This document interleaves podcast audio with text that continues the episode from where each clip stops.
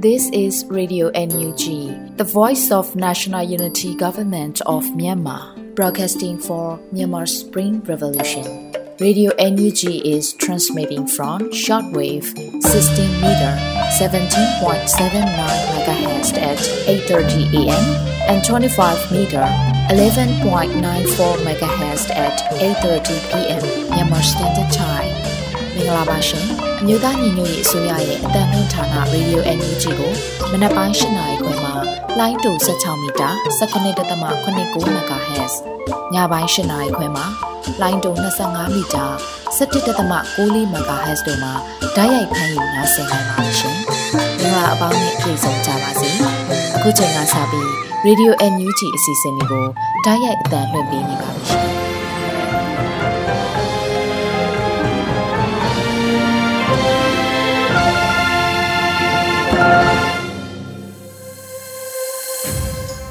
မြန်မာနိုင်ငံသူနိုင်ငံသားအပေါင်းတဘာဝပြီးဆီယာနာရှင်ဘီတို့ကနေကင်းဝေးပြီးကိုစိတ်နှပါအေဂျင့်လုံခြုံကြပါစေလို့ Radio NUG မိသားစုကနှုတ်ခွန်းဆက်တာအပ်ပါတယ်ရှင်။ခုချိန်ကစပြီးပြည်တွင်သတင်းများကိုຫນွေဦးမောင်ကဖက်ကြားတင်ပြပေးမှာဖြစ်ပါတယ်။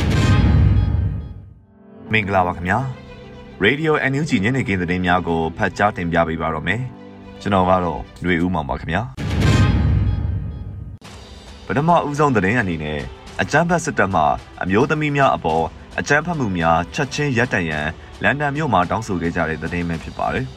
။နိုဝင်ဘာလ28ရက်နေ့မှာ UK နိုင်ငံလန်ဒန်မြို့၌ဒေါ်လာရေးရန်ပုံငွေရှာဖွေရေး Winter Gala Dinner ကျင်းပခဲ့ရာတက်ရောက်လာကြသူများကအပြည်ပြည်ဆိုင်ရာအမျိုးသမီးများနဲ့အမျိုးသမီးငယ်များအားအကြမ်းဖက်မှုများရပ်တန့်ရေး White Ribbon Campaign တွင်ပါဝင်၍မြန်မာနိုင်ငံတွင်အကြမ်းဖက်စစ်တပ်မှ အမျိုးသမီးများအပေါ်အကြမ်းဖက်မှုများချက်ချင်းရပ်တန့်ရန်တောင်းဆိုခဲ့ကြပါတယ်။အဆိုပါရမုံငွေရှာဖွေရေးပွဲကို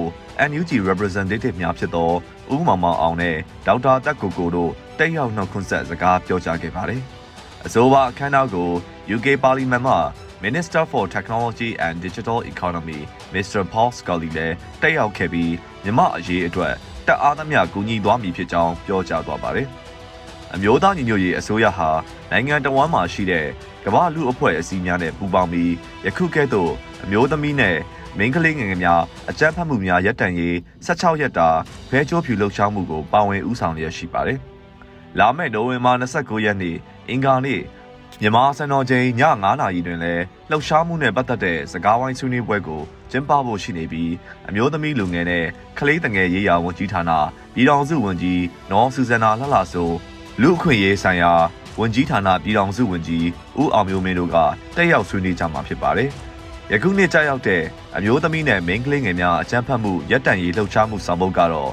အမျိုးသမီးနဲ့မိန်းကလေးငယ်များအပေါ်အကြမ်းဖက်မှုပပျောက်ဖို့အားလုံးစည်းလုံးလှုပ်ဆောင်စို့ဟူ၍ဖြစ်ပါတယ်ခင်ဗျာ။ဆက်လက်ပြီးတော့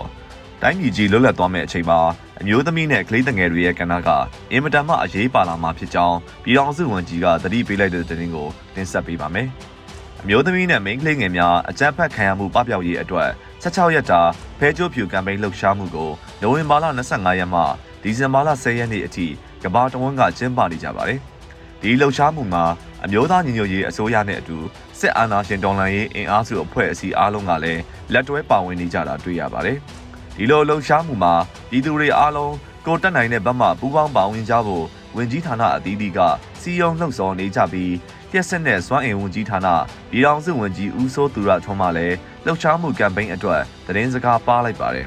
။အဲလေးတဲ့လက်ကကဘာကိုအုပ်စိုးနိုင်တယ်ဆိုတော့စကားလည်းရှိခဲ့ပါတယ်။လားလူပါပဲအမေတယောက်ကနေပြီးတော့ကလေးလေးကိုမွေးလာတဲ့ဒီကလေးလေးတွေကပဲကျွန်တော်တို့ လူကြီးတွေဖြစ်လာကြတယ်ကျွန်တော်တို့တိုင်းပြည်ကိုကျွန်တော်တို့နိုင်ငံကိုကျွန်တော်တို့ကမ္ဘာရဲ့အနာဂတ်ကို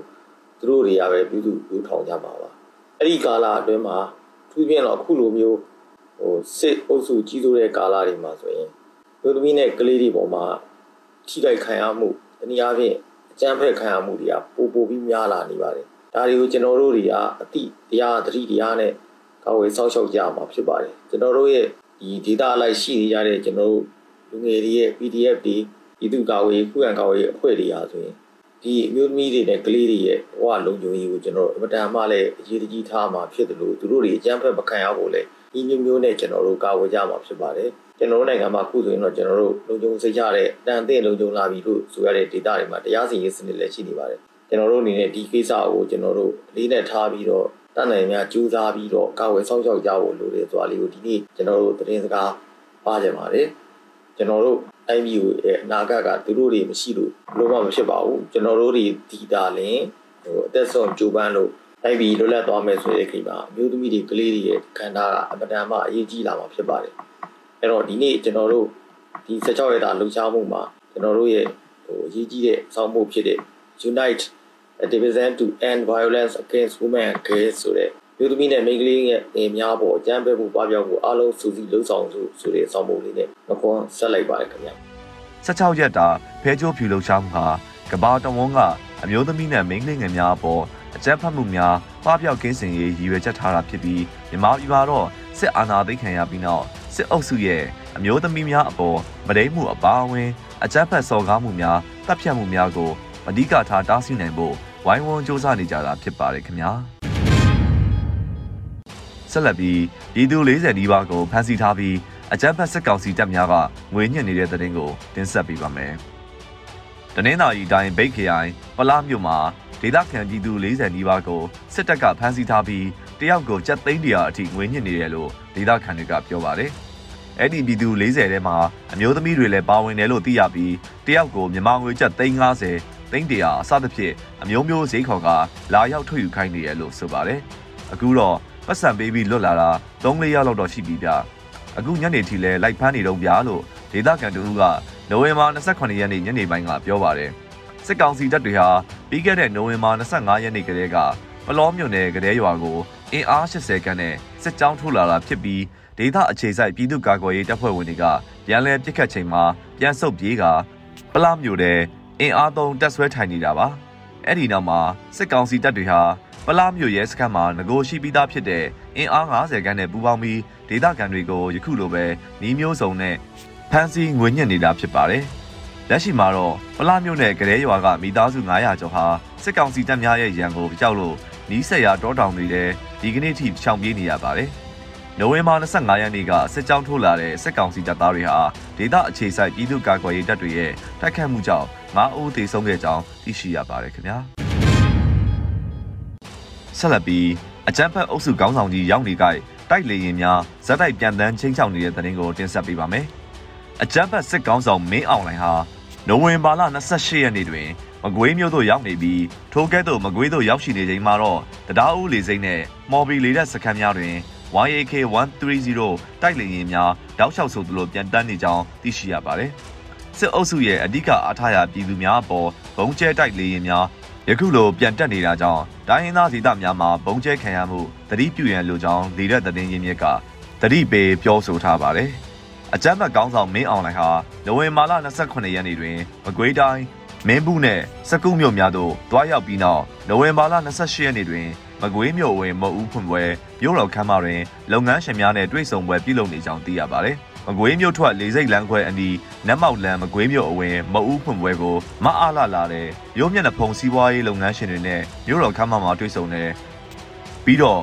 ကောင်းမွန်ဥစိန်ထေလုပ်ငန်းနေရာနဲ့အမေထွားပဲစီနန်းစီဥထေးအောင်လုပ်ငန်းနေရာတွေကိုသွားကြည့်မယ်လုပ်ငန်းရှင်တွေလည်းမအားလာကိုမတွေ့ရှင်ကြဘူးအတင်းအကျပ်ဆိုတော့ညင်းလို့မရဘူးလို့ မကွေးမြို့မှဝန်ကြီးဌာနသတင်းရင်းမြစ်ကပြောဆိုပါတယ်အကြမ်းဖက်ကောင်းဆောင်မင်းအွန်လိုင်းယခုလိုမကွေးမြို့တွင်ရောက်ရှိနေချိန်မှာတော့တရားဥလေတက်နဲ့မော်ဘီလေတက်အတွင်းတွင်တိုက်လေရင်များတောက်လျှောက်ဆိုသလိုပြန်တက်နေတာဖြစ်ပါတယ်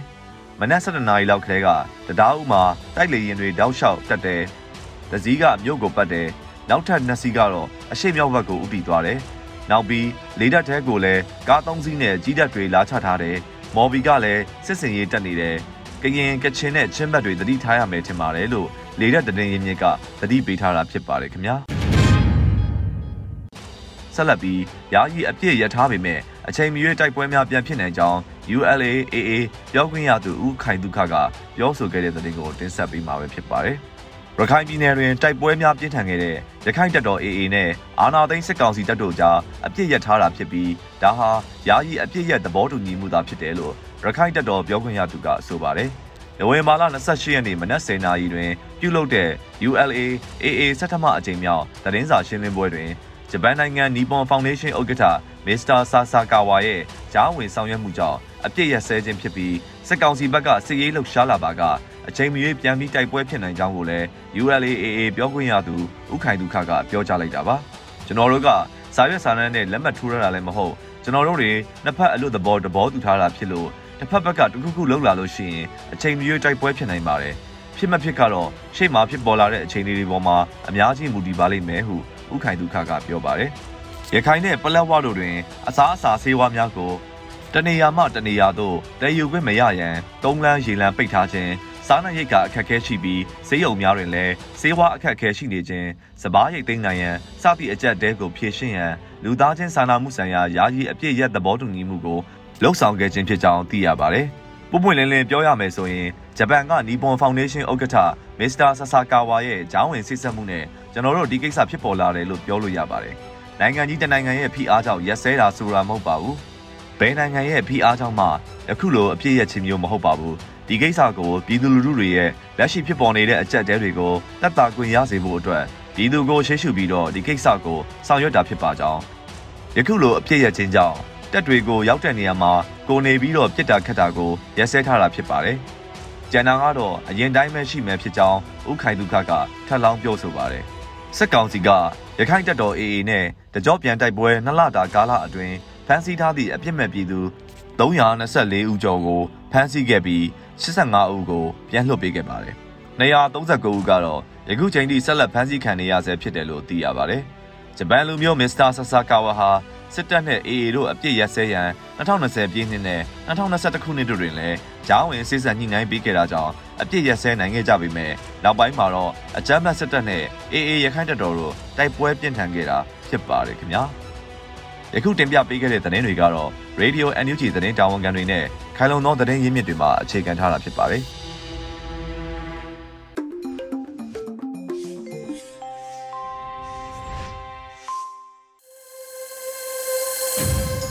ခုဆက်လက်ပြီးနားဆင်ကြရမှာကတော့ Radio Energy တော်လိုင်းကဗျာကဏ္ဍဖြစ်ပါတယ်။အောင်မျိုးမြတ်ရေးသားထားတဲ့သွေးကြွေးကိုသွေးကြွေးနဲ့ဆက်မယ်ဖျားတွေဖယ်ထားပေးပါဆိုတဲ့ကြပြလေးကိုနှွေဦးမှုကခန်းစားကြွဖက်ထားပါရရှင်။သွေးကြွေးကိုသွေးကြွေးနဲ့ဆက်မယ်ဖျားတွေဖယ်ထားပေးပါခစ်ကိုပြောရေးဆိုခွင့်မရှိအောင်ပိတ်ပင်တားဆီးလိုက်တဲ့ပြောတန်ဟာယမန်နေ့ညကမင်းသားမလောက်ရတဲ့လူတစ်ယောက် ထိုးဖောက်လိုက်တဲ့ပတ်မကြီးကနေထွက်လာတယ်တရားတွေကိုလိုတလိုချိန်ညှိလိုက်တယ်ဖျားတွေကိုလည်းဘိန်းကျွေးလိုက်တယ်ဓမ္မတရားတွေပပဆက်ဆက်အဖြက်စီးခံလိုက်ရတဲ့ညငိုကြီးချက်မဒေဝတာများလဲအိမ်မောကြတော့ဘသူမှမကြည့်နဲ့အကုန်လုံးကကိုယ်ဆောက်ဒုက္ခနဲ့ကိုဒုက္ခတွေကြီးသလားသေးသလားပြိုင်ကြတဲ့စံကြူတွေဒီကြားတဲ့ကဘာနဲ့တပြေးညီကြော က်တဲ့အတူတူစင်းကြမလားဆိုတဲ့ခလုတ်ကိုနှိပ်ဖို့စောင့်နေကြသေးဒီတော့အများနည်းတူမြမာပြည်မှအိမ်ဆောင်နှက်ကထွက်ပြေးသွားပါတယ်ငရဲလည်းမရှိသလိုနိဗ္ဗာန်လည်းမရှိခစ်တဲ့မြမာပြည်ပဲရှိမယ်တော်လန်ရေးရဲပေါ်တွေရှိမယ်တက်ကြွလှုပ်ရှားသူတွေရှိမယ်အကုန်လုံးရှိမယ်ဖျားတွေလည်းမရှိဘူးတရားဟာလေကိုဓာတ်ကိုသွေးတဲ့တရားလူတရားအောင်မျိုးမြတ်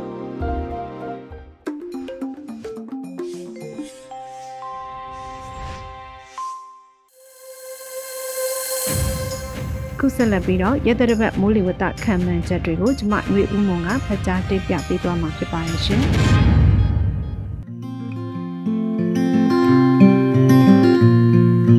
မင်္ဂလာပါရှင်။2022ခုနှစ်နိုဝင်ဘာလ28ရက်နေ့မှဒီဇင်ဘာလ4ရက်နေ့အထိမိုးလေဝသခံမှန်းချက်များကိုတင်ပြပေးသွားမှာဖြစ်ပါတယ်။ယခုတစ်ပတ်ဟာပုံမှန်ဆောင်းကာလလက္ခဏာမျိုးမဟုတ်တော့လဲဆောင်းကာလအေးဓာတ်ကိုမြန်မာနိုင်ငံမှာစတင်ခန်းစားရသောကာလအဖြစ်တွေ့မြင်ရနိုင်ပါတယ်။ ပုံမှန်ဆောင်းလက္ခဏာဖြစ်တဲ့9ရက်မှ10ရက်တစ်ကြိမ်အေးခြင်းနဲ့နနက်ပိုင်းမြူထူဆိုင်ခြင်းသဘောတရားများအရမြန်မာနိုင်ငံမြောက်ပိုင်းအရှေ့မြောက်ပိုင်းနဲ့အလယ်ပိုင်းတို့မှာနွေမာလ29ရက်နဲ့နွေမာလ30ရက်နေ့များမှာညအခါအနေငယ်အေးလာနိုင်ပြီးဒီဇင်ဘာလ1ရက်2ရက်3ရက်4ရက်များမှာညအပူချိန်များပြန်လည်မြင့်တက်လာနိုင်ပြီးတော့အေးပြန်ပေါ်နိုင်ပါတယ်ဒီဇင်ဘာလ3ရက်4ရက်5ရက်6ရက်များမှာထိုင်းပင်လယ်ကွေ့မှအစာပြူဖြစ်ပေါ်လာတဲ့လေပွေလိုင်းဟာ ကပလီပင်လယ်ပြင်ကိုရောက်ရှိလာနိုင်ပြီးမုန်တိုင်းငယ်အဆင့်ကိုရောက်ရှိလာနိုင်ပါတယ်။ယခုတစ်ပတ်အတွင်းထူးခြားချက်မှာရင်္ဂလားပင်လယ်အပါအဝင်ထိုင်းပင်လယ်ကွေ့နဲ့တောင်တရုတ်ပင်လယ်တို့မှာလာနီညာတက်ရောက်မှုရှိနေဆဲဖြစ်တာကြောင့်ပင်လယ်ရေအပူချိန်ဟာပုံမှန်ဆောင်ကာလထက်ပိုနွေးနေသဖြင့်လေပွေလိုင်းများမုန်တိုင်းငယ်များမကြာခဏဖြစ်ပေါ်လာနေပြီးမြန်မာနိုင်ငံကိုတောင်ဘက်မှရေငွေများပို့လွှတ်လာနိုင်သဖြင့်မြန်မာနိုင်ငံအလဲပိုင်းနဲ့အောက်ပိုင်းဒေသများမှာအ ချိန်ခါမဟုတ်လေပွေလှိုက်မိုးရွာသွန်းခဲ့သည်ကိုနှွေးမလအတွင်းကြုံတွေ့ခဲ့ရသလိုခုဒီဇင်ဘာလမှာလည်းကြုံတွေ့နိုင်မှာကြောင်းကြိုတင်အသိပေးလိုပါတယ်။စပားရိတ်သိမ်းနေသောလေသမားများအထူးအလေးထားသင့်ပါတယ်ရှင်။ဆက်လက်ပြီးနေ့လိုက်တပတ်စာမိုးလေဝသအခြေအနေများကိုဆက်လက်တင်ပြပေးသွားပါဦးမယ်။နွေမာလ28ရက်နေ့အတွက်ခံမှန်းချက်မှာမြန်မာနိုင်ငံအထက်ပိုင်းနဲ့အလဲပိုင်းတို့တွင်နောက်လေများတိုက်ခတ်နိုင်ပြီးတောင်ပိုင်းတို့တွင်တောင်အရှိတောင်လေများတိုက်ခတ်နေနိုင်ပါတယ်။ စောင်းမုတ်တုံအခြေအနေမှာတပြည်လုံးမှာညအပူချိန်များတိတိသားသားတိုးလာခြင်းမရှိနိုင်ပါ။ဘင်္ဂလားပင်လယ်အော်အရှိလေပိုင်းနဲ့ကပ်ပလီပင်လယ်ပြင်တွင်တိမ်ထူထပ်နေပြီးကြံဘင်္ဂလားပင်လယ်အော်တွင်တိမ်အထင်တက်ဖြစ်ထွန်းနိုင်ပါသည်။ထူးခြားချက်မှာဘင်္ဂလားပင်လယ်အော်အလဲပိုင်းတွင်ဖြစ်ပေါ်နေသောလေပွေလိုင်းသည်နောက်24နာရီတွင်အာရော့ပြက်ပြင်းနိုင်ပါသည်မိုးအခြေအနေမှာရခိုင်ပြည်နယ်အေရီတိုင်းရန်ကုန်တိုင်းပဲခူးတိုင်းမကွေးတိုင်းနေပြည်တော်မန္တလေးတိုင်းရှမ်းပြည်နယ်ကရင်ပြည်နယ်ကယားပြည်နယ် မွန်ပြည်နယ်နဲ့တနင်္သာရီတိုင်းတို့တွင်နေရာကွက်ကြားမှနေရာကျဲကျဲမိုးရွာနိုင်ပြီးစက်ဒေသများမှာတိမ်အထင်တက်ဖြစ်ထွန်းနိုင်ပါတယ်မြမပင်လယ်ပြင်တွင်တောင်အရှိတောင်ဘက်မှလေသည်တနအီ10မိုင်မှ15မိုင်ထိတိုက်ခတ်နိုင်ပြီးလှိုင်းအထင်တက်ရှိနိုင်ပါတယ်ရှင်နွေမာလ29ရက်နေ့အတွက်ခံမှန်းချက်ကတော့မြန်မာနိုင်ငံအထက်ပိုင်းနဲ့အလဲပိုင်းတို့တွင်အနောက်အနောက်မြောက်လေများတိုက်ခတ်နိုင်ပြီးတောင်ပိုင်းတို့တွင်တောင်အရှိတောင်လေများတိုက်ခတ်နေနိုင်ပါတယ်။ စောင်းမုတ်တုံအခြေအနေမှာမြန်မာနိုင်ငံမြောက်ပိုင်းနဲ့အရှေ့မြောက်ပိုင်းတို့တွင်ညအပူချိန်များကျဆင်းလာနိုင်ပြီးအနှဲငယ်အေးလာနိုင်ပါတယ်။ဘင်္ဂလားပင်လယ်အော်အရှေ့လေပိုင်းတွင်တိမ်ထူထပ်နေပြီးကပ်ပလီပင်လယ်ပြင်နှင့်ကြံဘင်္ဂလားပင်လယ်အော်တွင်တိမ်အထက်အထက်ဖြစ်ထွန်းနိုင်ပါသည်။ထူးခြားချက်မှာဘင်္ဂလားပင်လယ်အော်အလဲပိုင်းတွင်ဖြစ်ပေါ်နေသောလေပွေလိုင်းသည်ပင်လယ်ပြင်တွင်အာရော့ပြက်ပြဲနိုင်ပါသည်။မိုးချီနေမှာရခိုင်ပြည်နယ်၊အေရီတိုင်း၊ရန်ကုန်တိုင်း၊ပဲခူးတိုင်း၊ကရင်ပြည်နယ်၊ကယားပြည်နယ်၊မွန်ပြည်နယ်နဲ့တနင်္သာရီတိုင်းတို့တွင်နေရာကွက်ကြားမှနေရာကျကျမိုးရွာနိုင်ပြီး ကျန်ဒေသများမှာတိမ်အထင်တင့်ဖြစ်ထွန်းနိုင်ပါတယ်။မြမပင်လယ်ပြင်တွင်အရှိအရှိတောင်ဘက်မှလေသည်တနအီ10မိုင်မှ15မိုင်ထိတိုက်ခတ်နိုင်ပြီးလှိုင်းအထင်တင့်ရှိနိုင်ပါတယ်ရှင်။နွေမာလ30ရက်နေ့အတွက်ခံမှန်းချက်ကတော့မြန်မာနိုင်ငံအထက်ပိုင်းနဲ့အလယ်ပိုင်းတို့တွင်မြောက်နောက်မြောက်လေးများတိုက်ခတ်နိုင်ပြီးတောင်ပိုင်းတို့တွင်အရှိအရှိမြောက်လေးများတိုက်ခတ်နေနိုင်ပါတယ်။ဆောင်းမုတ်တုံအခြေအနေမှာမြန်မာနိုင်ငံမြောက်ပိုင်းအလဲပိုင်းနဲ့အရှိမြောက်ပိုင်းတို့တွင်ညပူချိန်များကျဆင်းလာနိုင်ပြီးအနှဲငယ်အေးလာနိုင်ပါတယ်။ ဘင်္ဂလားပင်လယ်အော်အလဲပိုင်းနဲ့ကပ်ပလီပင်လယ်ပြင်တွင်တိမ်ထူထပ်နေပြီးကြံဘင်္ဂလားပင်လယ်အော်တွင်တိမ်အထင်တက်ဖြစ်ထွန်းနိုင်ပါတယ်။မိုးအခြေအနေမှာရခိုင်ပြည်နယ်အေရီတိုင်းရန်ကုန်တိုင်းကရင်ပြည်နယ်ကယားပြည်နယ်မွန်ပြည်နယ်နဲ့တနင်္သာရီတိုင်းတို့တွင်နေရာကွက်ကြားမှနေရာကျဲကျဲမိုးရွာနိုင်ပြီးကျန်ဒေသများတွင်တိမ်အထင်တက်ဖြစ်ထွန်းနိုင်ပါတယ်။မြမပင်လယ်ပြင်တွင်ရှေ့ရှေ့မြောက်ဖက်မှလေသည်တနအီ10မိုင်မှ15မိုင်အထိတိုက်ခတ်နိုင်ပြီးလှိုင်းအထင်တက်ရှိနိုင်ပါတယ်ရှင်။ ဒီဇင်ဘာလ၁ရက်နေ့အတွက်ခံမှန်းချက်မှာမြန်မာနိုင်ငံအထက်ပိုင်းနှင့်အလဲပိုင်းတို့တွင်မြောက်နောက်မြောက်လေးများတိုက်ခတ်နိုင်ပြီးတောင်ပိုင်းတို့တွင်ရှေ့တောင်လေးများတိုက်ခတ်နေနိုင်ပါတယ်။ဆောင်းမုတ်တုံအခြေအနေမှာမြန်မာနိုင်ငံမြောက်ပိုင်းအလဲပိုင်းနဲ့အရှေ့မြောက်ပိုင်းတို့တွင်ညပူချိန်များအနည်းငယ်ပြန်တက်လာနိုင်ပါတယ်။ဘင်္ဂလားပင်လယ်အော်လယ်ပိုင်းတောင်ပိုင်းနဲ့ကပ်ပလီပင်လယ်ပြင်တွင်တိမ်ထူထပ်နေပြီးကြံဘင်္ဂလားပင်လယ်အော်တွင်တိမ်အထင်တက်ဖြစ်ထွန်းနိုင်ပါတယ်။မိုးချီနေမှာရခိုင်ပြည်နယ်၊အေရီတိုင်း၊ရန်ကုန်တိုင်း၊ရှမ်းပြည်နယ်တောင်ပိုင်း၊ကယားပြည်နယ်၊ ကရင်ပြည်နယ်၊မွန်ပြည်နယ်နဲ့တနင်္သာရီတိုင်းတို့တွင်နေရာကွက်ကြားမှနေရာကျကျမိုးရွာနိုင်ပြီးကျန်ဒေသများမှာတိမ်အထင်တက်ဖြစ်ထွန်းနိုင်ပါတယ်။မြမပင်လယ်ပြင်တွင်အရှိအရှိမြောက်ဖက်မှလေသည်တနအီ10မိုင်မှ15မိုင်ထိတိုက်ခတ်နိုင်ပြီးလိုင်းအထင်တက်ရှိနိုင်ပါတယ်ရှင်။ဒီဇင်ဘာလ2ရက်နေ့အတွက်ခံမှန်းချက်မှာမြန်မာနိုင်ငံအထက်ပိုင်းနဲ့အလယ်ပိုင်းတို့တွင်မြောက်နောက်မြောက်လေးများတိုက်ခတ်နိုင်ပြီးတောင်ပိုင်းတို့တွင်ရှေ့တောင်လေးများတိုက်ခတ်နေနိုင်ပါတယ်။စောင်းမုတ်တုံချီနေမှာမြန်မာနိုင်ငံမြောက်ပိုင်းအလယ်ပိုင်းနဲ့ရှေ့မြောက်ပိုင်းတို့တွင် ညပူချိန်များအနည်းငယ်ပြန်တက်လာနိုင်ပါတယ်။ဘင်္ဂလားပင်လယ်အော်အလယ်ပိုင်းတောင်ပိုင်းနဲ့ကပ်ပလီပင်လယ်ပြင်တွင်တိမ်ထူထပ်နေပြီးကြံဘင်္ဂလားပင်လယ်အော်တွင်တိမ်အထက်တက်ဖြစ်ထွန်းနိုင်ပါတယ်။မိုးချီနေမှာရခိုင်ပြည်နယ်၊အေရီတိုင်း၊ရန်ကုန်တိုင်း၊ရှမ်းပြည်နယ်တောင်ပိုင်း၊ကယားပြည်နယ်၊ကရင်ပြည်နယ်မွန်ပြည်နယ်နဲ့တနင်္သာရီတိုင်းတို့တွင်နေရာကွက်ကြားမှနေရာကျကျမိုးရွာနိုင်ပြီးကျန်ဒေသများတွင်တိမ်အထင်တက်ဖြစ်ထွန်းနိုင်ပါတယ်။မြမပင်လယ်ပြင်တွင် အရှိအရှိမြောက်ဘက်မှလေသည်တနအီ10မိုင်မှ15မိုင်ထိတိုက်ခတ်နိုင်ပြီးလှိုင်းအထင်တက်ရှိနိုင်ပါတယ်ရှင်။ဒီဇင်ဘာလ3ရက်နေ့အတွက်ခံမှန်းချက်မှာမြန်မာနိုင်ငံအထက်ပိုင်းနဲ့အလယ်ပိုင်းတို့တွင်မြောက်နောက်မြောက်လေးများတိုက်ခတ်နိုင်ပြီးတောင်ပိုင်းတို့တွင်အရှိတောင်လေးများတိုက်ခတ်နေနိုင်ပါတယ်။စောင်းမုတ်တုံအခြေအနေမှာမြန်မာနိုင်ငံမြောက်ပိုင်းအလဲပိုင်းနဲ့အရှေ့မြောက်ပိုင်းတို့တွင်ညအပူချိန်များအနည်းငယ်ပြန်တက်လာနိုင်ပါတယ်။ဘင်္ဂလားပင်လယ်အော်လဲပိုင်းတောင်ပိုင်းနဲ့ကပ်ပလီပင်လယ်ပြင်တွင်တိမ်ထူတဲ့နေပြီး ကျန်ဘင်္ဂလားပင်လယ်အော်တွင်တိမ်အထင်တင့်ဖြစ်ထွန်းနိုင်ပါတယ်။မိုးချီနေမှာရခိုင်ပြည်နယ်အေရီတိုင်းရန်ကုန်တိုင်းရှမ်းပြည်နယ်တောင်ပိုင်းကယားပြည်နယ်ကရင်ပြည်နယ်မွန်ပြည်နယ်နဲ့တနင်္သာရီတိုင်းတို့တွင်နေရာကွက်ကြားမှနေရာကျကျမိုးရွာနိုင်ပြီးစံဒေတာများတွင်တိမ်အထင်တင့်ဖြစ်ထွန်းနိုင်ပါတယ်။မြမပင်လယ်ပြင်တွင်အရှိအရှိမြောက်ဖက်မှလေသည်တနအီ10မိုင်မှ15မိုင်ထိတိုက်ခတ်နိုင်ပြီးလိုင်းအထင်တင့်ရှိနိုင်ပါတယ်ရှင်။ဒီဇင်ဘာလ၄ရက်နေ့အတွက်ခံမှန်းချက်မှာ မြန်မာနိုင်ငံအထက်ပိုင်းနဲ့အလဲပိုင်းတို့တွင်နောက်နောက်မြောက်လေများတိုက်ခတ်နိုင်ပြီးတောင်ပိုင်းတို့တွင်အရှိအရှိတောင်လေများတိုက်ခတ်နေနိုင်ပါတယ်။စောင်းမုတ်တုံချီနီမှာမြန်မာနိုင်ငံမြောက်ပိုင်းအလဲပိုင်းနဲ့အရှေ့ပိုင်းတို့တွင်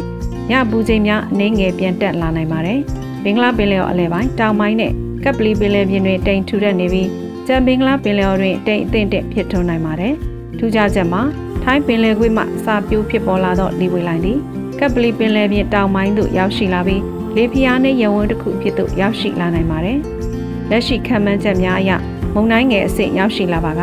သီရီလင်္ကာကမ်းခြေသို့ဦးတည်ရွေးရှားနိုင်မှာကြောင်းတွေ့ရှိရပါတယ်။မိုးအခြေအနေမှာရှမ်းပြည်နယ်အေရီတိုင်းရန်ကုန်တိုင်းပဲခူးတိုင်းကယားပြည်နယ်ကရင်ပြည်နယ်မွန်ပြည်နယ်နဲ့တနင်္သာရီတိုင်းတို့တွင်နေရာကွက်ကြားမှနေရာကျကျမိုးရွာနိုင်ပြီးကြံဒေတာများတွင်တိတ်အထင်တင့်ဖြစ်ထွန်းနိုင်ပါတယ်။မြမပင်လယ်ပြင်တွင် အရှိအရှိတောင်ဘက်မှလေသည်တနအီ10မိုင်မှ15မိုင်ထိတိုက်ခတ်နိုင်ပြီးလိုင်းအထင်တင့်ရှိနိုင်ပါတယ်ရှင်။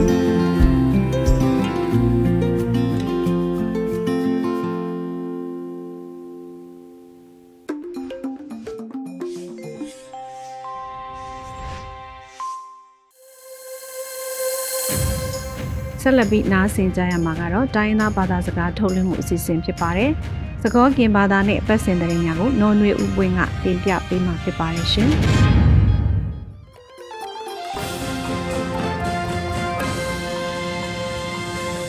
Hello uri ko ate pasori sawa batu to kwe mu batu lo anyu chi kwe le lo tra ta kle deplo nya ini lo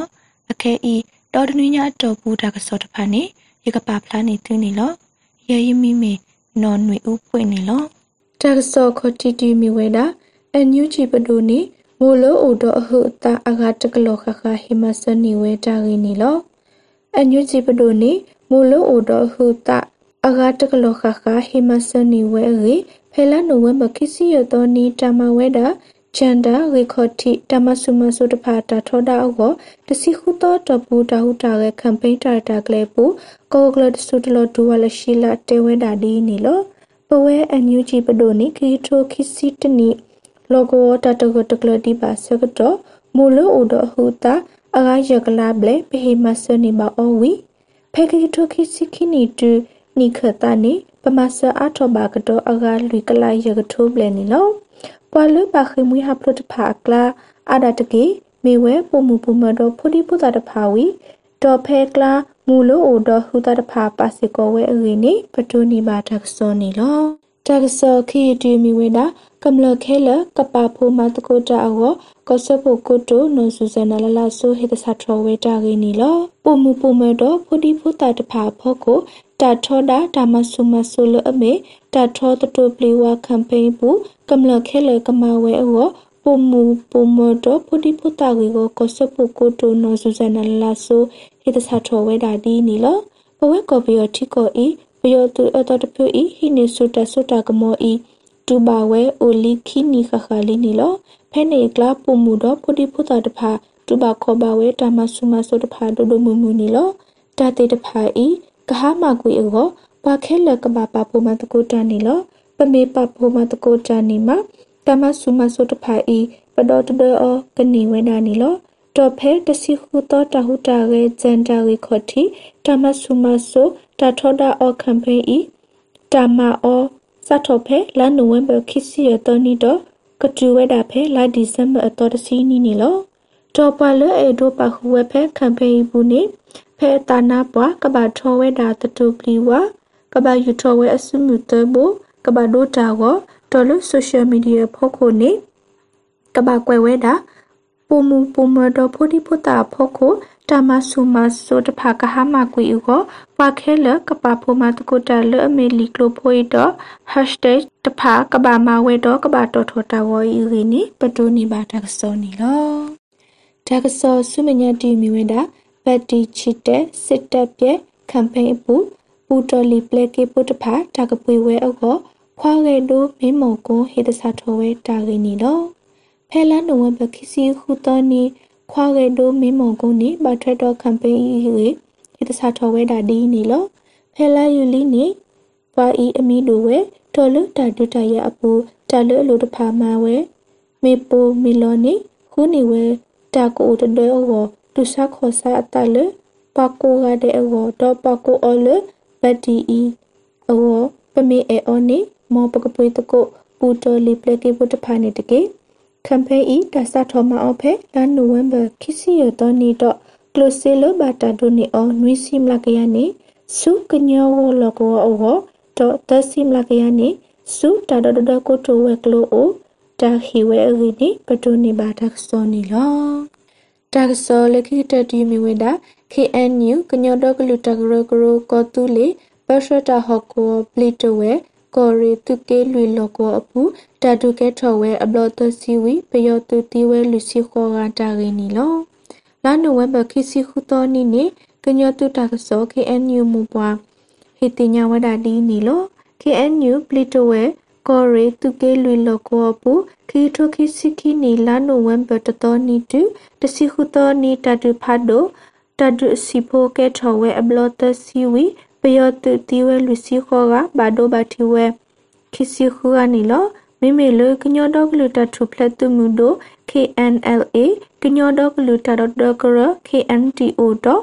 တပဖို့သူဖို့ကရတဖာတခေါ်လူတီကောဒေါကလူအောသူဖို့ဟီလကွေဘာတာတမှုခီကဘာဒိုဝဲလူကအဂီနေပတိုနီဘာတာဆောနီလောကမ္လလအဒုကနာဘာကွဲလေးလိုတာကဆောအီကိုရတဲ့ဟောသူဘာမူချောဘိုနီတကေ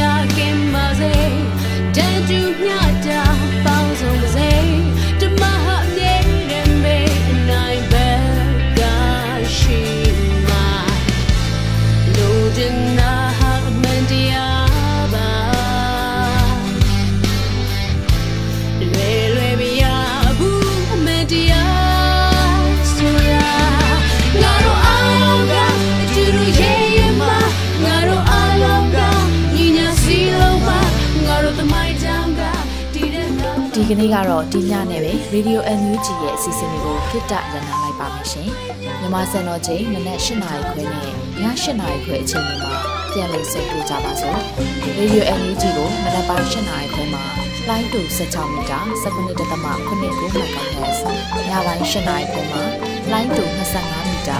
17.6 MHz တွေမှာဓာတ်ရိုက်ဖမ်းလို့နိုင်စေနိုင်ပါပြီ။ မြန်မာနိုင်ငံသူနိုင်ငံသားတွေကိုစိတ်နှပြကျမ်းမာချမ်းသာလို့ဘေးကင်းလုံခြုံကြပါစေလို့ Radio NUG အဖွဲ့သူဖေသားတွေကဆုတောင်းမြတ်တာပို့တာနေပါတယ်ရှင်။မြေသားညီမတွေအစိုးရရဲ့စက်တော်ရင်သတင်းအချက်အလက်တွေလုပ်ပညာဝန်ကြီးဌာနကထုတ်လွှင့်နေတဲ့ Radio NUG ဖြစ်ပါတယ်။ San Francisco Bay Area အခြေစိုက်မြန်မာမိသားစုတွေနဲ့နိုင်ငံတကာကစေတနာရှင်တို့အားပေးနေတဲ့ရေဒီယို NUG ဖြစ်ပါတယ်။အရေးတော်ပုံအောင်ရမည်